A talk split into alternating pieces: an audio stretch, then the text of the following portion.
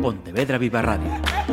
Cara a cara. Damas y caballeros, la Asociación de Directores de Informativos de Radio y Televisión da la bienvenida a Carlos Quintías.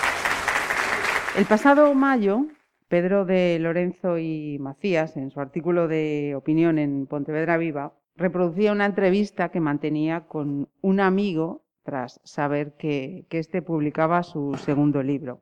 Él aguardaba una presentación en Pontevedra que ha sido finalmente este pasado mes de octubre y hemos querido charlar un rato con ese amigo, con Carlos Quintía Celaya. Bienvenido y gracias por atendernos de nuevo, de alguna manera. Gracias a ti. Estamos hablando con un abogado penalista, perito calígrafo y detective que reside en San Senso. Oriundo de San Senso, afincado en San Senso, porque fuera de micro le preguntaba yo por lo del apellido Celaya, que gallego precisamente no es. No, yo nací en Pontevedra, pero mi padre sí. Mi abuelo tenía una farmacia en San Senso en los años, el padre de mi padre, en los años 18, 19, cuando la gripe mal llamada española que trajeron los americanos.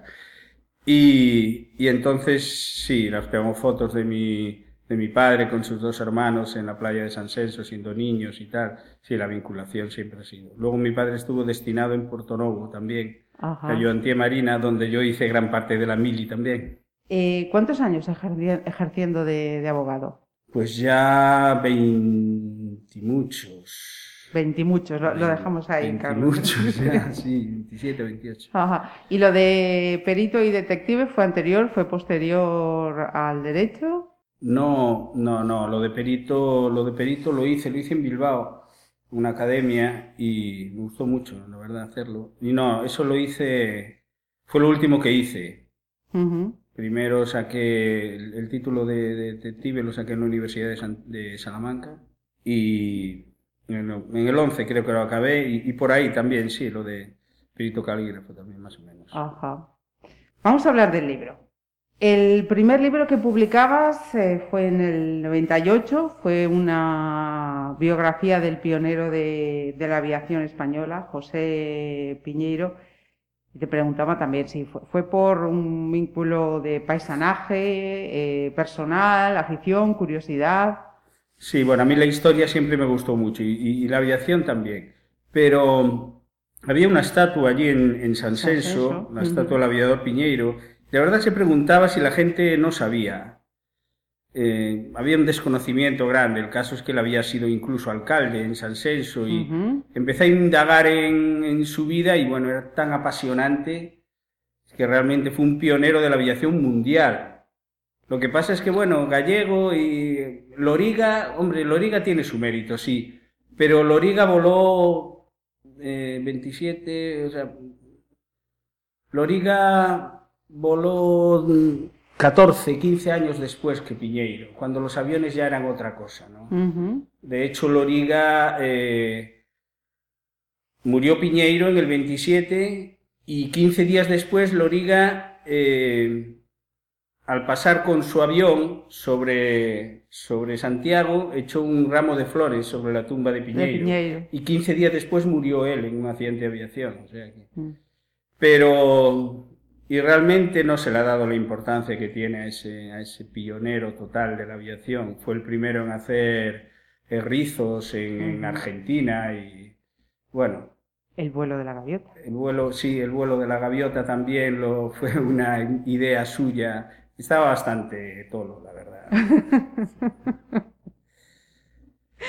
Mira, el segundo libro que, que editas es Impunidad. ¿Cómo dirías que, que encaja más en una novela de ficción histórica o más en un, en un thriller? No, ficción histórica, no. Bueno, ficción, la historia no pudo ser como se desarrolla en el libro, solo está basado en una historia, sí, real y tiene muchos de sus componentes, pero no, es un, un thriller, bueno, es una novela negra con, con los condimentos que se exigen a una novela negra, crimen, giros, corrupción política o administrativa, mujer fatal, ese tipo de cosas que se meten en una coctelera, se combinan y luego pues Ah, pero referencias históricas sí tiene al año 77, que yo tenía entonces 16 años y lo conocí muy bien, claro.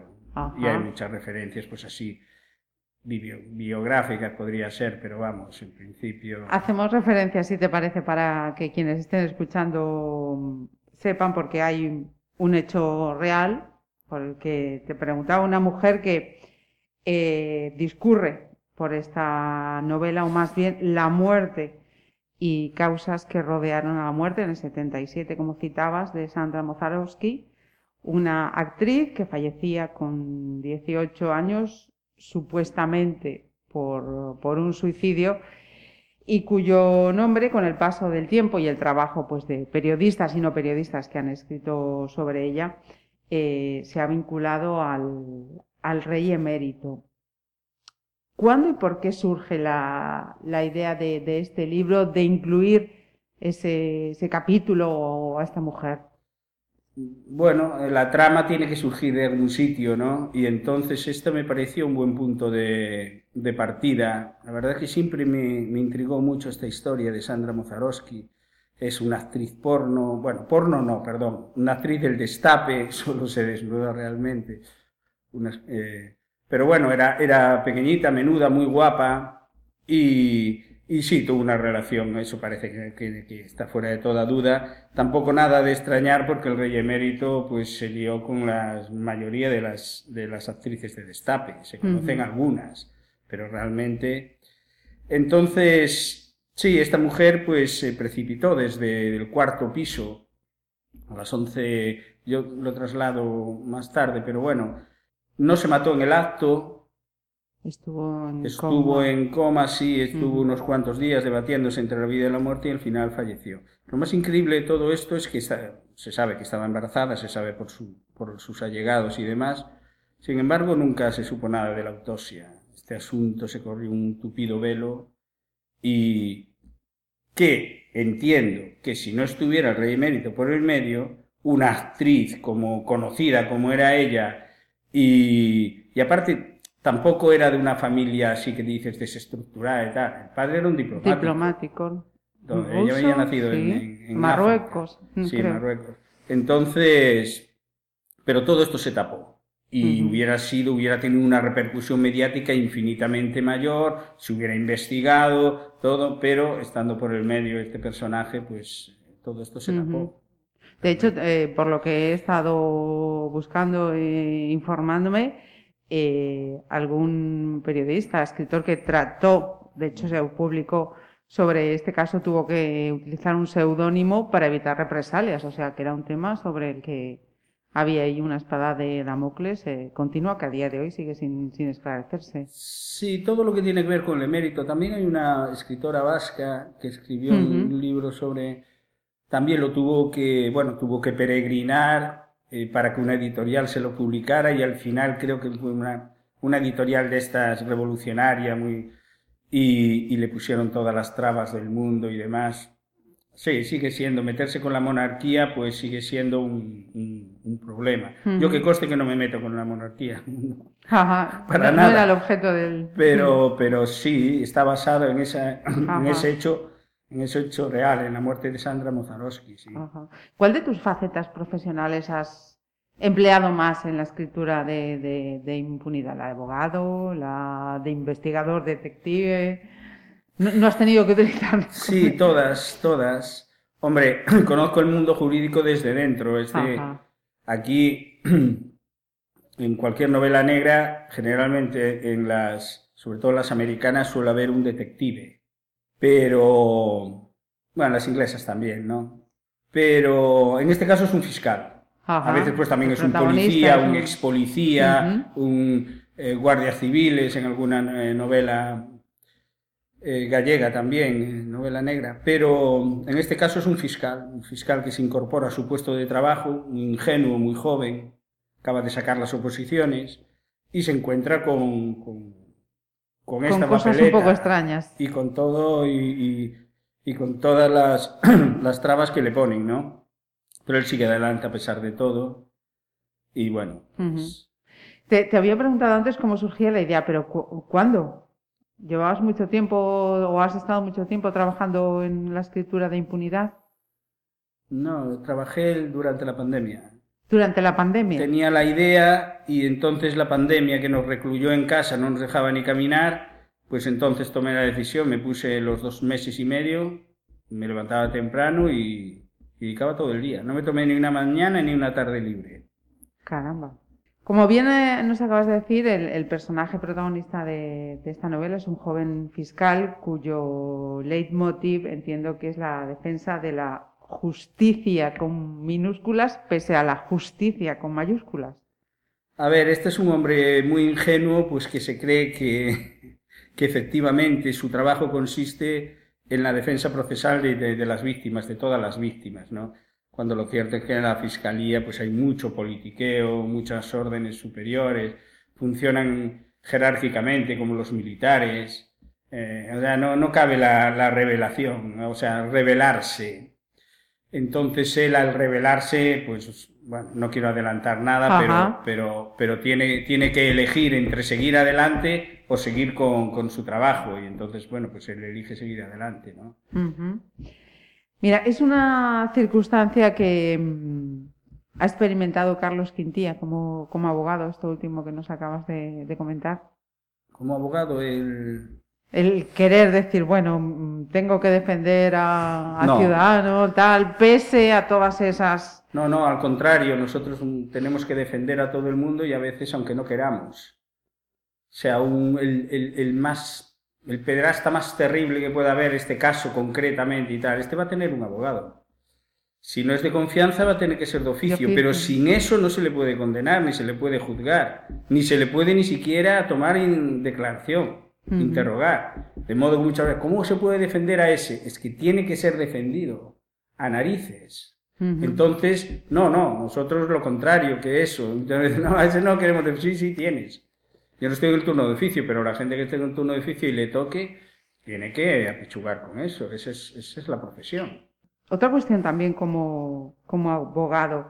¿Qué casos reales te resultan más eh, flagrantes por su impunidad? Bueno, las que afectan a los poderosos. Lo estamos viendo, la corrupción política, pues, en fin, que no se, nunca se llega a, a, las alturas. Siempre se pone por el medio un, algo que, que, que tapone, ¿no? Que desiguala. Un cortafuegos, sí. Eh, todos iguales ante Para no llegar a... Sí, lo de algo es igual. Es que sí, todos somos iguales ante la ley y esa frase la dice quien es impune. O sea, es, una es una desvergüenza, ¿no? Entonces, sí, tú ves realmente y dices, pero, pero ese hombre, ¿cómo no ha ido a la cárcel? O sea, ¿cómo Jordi Pujol no ha pasado por la cárcel? Él y toda su familia. Por favor. ¿Qué pasó con Jordi Pujol? Que cuando se supo que tenía un montón de dinero en, en Andorra, él dijo, eh, yo tengo la cuenta que acaba en tres, la cuenta que acaba en dos es del, del rey, de Juan Carlos I, entonces rey. Y dijeron, ah, quieto, para ahí, para ahí. Eh, fue Felipe González, es un gobierno de Felipe González. Parar ahí, eso no se investiga. Y así estuvo, pero se sabía que Pujol tenía cuentas en, en Andorra desde el año noventa y poco. Pero todo eso se paró porque el número siguiente o anterior de la cuenta era del rey emérito. Y eso ya lo esgrimió rápido Puyol, claro. Ajá. Entonces, aquí se pudo comprar el petróleo infinitamente más barato durante todos los años, pero no, había que comprárselo a las árabes porque recibe una una parte, no sé si un dólar o tal, por cada barril, y claro, son tantos millones de barriles, y entonces, pues, no, no, hay que comprarle a este, aunque sea más caro, pero que se lleve su comisión el rey. Y entonces, bueno, pues esto es lo que hay, no te metas con el rey. Ahí, por favor, es que hay, hay una persona exiliada por un rap contra el rey. Esto es demencial. ¿Qué país es este? No se puede quemar una foto del rey, pero hombre, por favor. No sé, a mí me parece ya esta defensa de... Hay que, hay que cambiar... Uy, perdón. Hay que cambiar ya hablando hablando de música. Sí, es que eh, yo creo que hay que cambiar ya estos insultos a la corona y demás. Bueno, por favor. Lo mismo con el tema religioso, ¿no? Yo todo el respeto a los creyentes, pero bueno. Bueno, tenemos la piel muy fina, ¿no? Ya no solo las religiones sí, sino todas esas, eh, como bien he escuchado hace un tiempo, esas religiones laicas que ahora tenemos que parece que son intocables y depende hacia dónde apuntes, no se, no se pueden, no se pueden tocar. Para, para ir terminando, le pregunto al Carlos eh, escritor, ¿ya hay algún proyecto en marcha, rondando la cabeza, o tiene que haber ese paréntesis de tiempo que digas, me puedo dedicar a pleno, porque si no es imposible? No, no, nada, es, es, esto es un bicho que una vez que ya se te mete, en cuanto acabé este, ya empecé, sí, con otro, con una novela se titula Barro Negro y la tengo terminada prácticamente. Barro negro, o sea, que eres un escritor prolífico. No, ahora lo que hago es, me tiene que llevar mucho más tiempo porque hay que trabajar, claro. Pero todo el, tiempo que tengo de ocio lo dedico a eso, a escribir, a documentarme, hay que leer muchísimo cuando escribe. Y entonces, pues esta se desarrolla en, en una aldea minera de Orense, una aldea, una, una aldea minera de Wolframio en el año 52. En este caso es un sargento de la Guardia Civil el que investiga también un crimen. Ajá, o sea que vamos por el género. Carlos eh, Quintía mm. está, está ya en ese, en ese género, te entrado algún. Sí, es menos, sí, bueno, es más costumbrista tal vez, menos, menos novela negra, pero bueno, sí, sí, va por ahí. Mira, y de momento impunidad, y dado que estamos ya en noviembre, que se acercan las navidades, y que bueno, siempre es un buen momento para, para regalar o comprar un, un, libro que buena falta nos hace. ¿Dónde, ¿Dónde lo podemos encontrar, Carlos? Pues en la propia web de la editorial, que es Editorial Europa, también en Amazon y en, bueno, sé que en San Senso lo tiene mi amigo Jaime, el que me editó el primer libro, eso seguro. Ajá.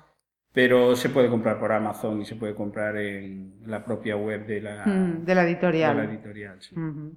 Pues Carlos eh, Quintía Celaya, muchísimas gracias por hacernos eh, un huequito y acercarte hasta Pontevedra Viva. Muchas gracias a ti. Pontevedra Viva Radio. ¿Me permiten que les haga un comentario como espectadores del programa Cara a Cara? Según un reciente sondeo de mercado, ustedes disponen de estudios e inteligencias superiores a la media. Sus intereses abarcan desde la actualidad mundial y la ciencia hasta el deporte y los espectáculos.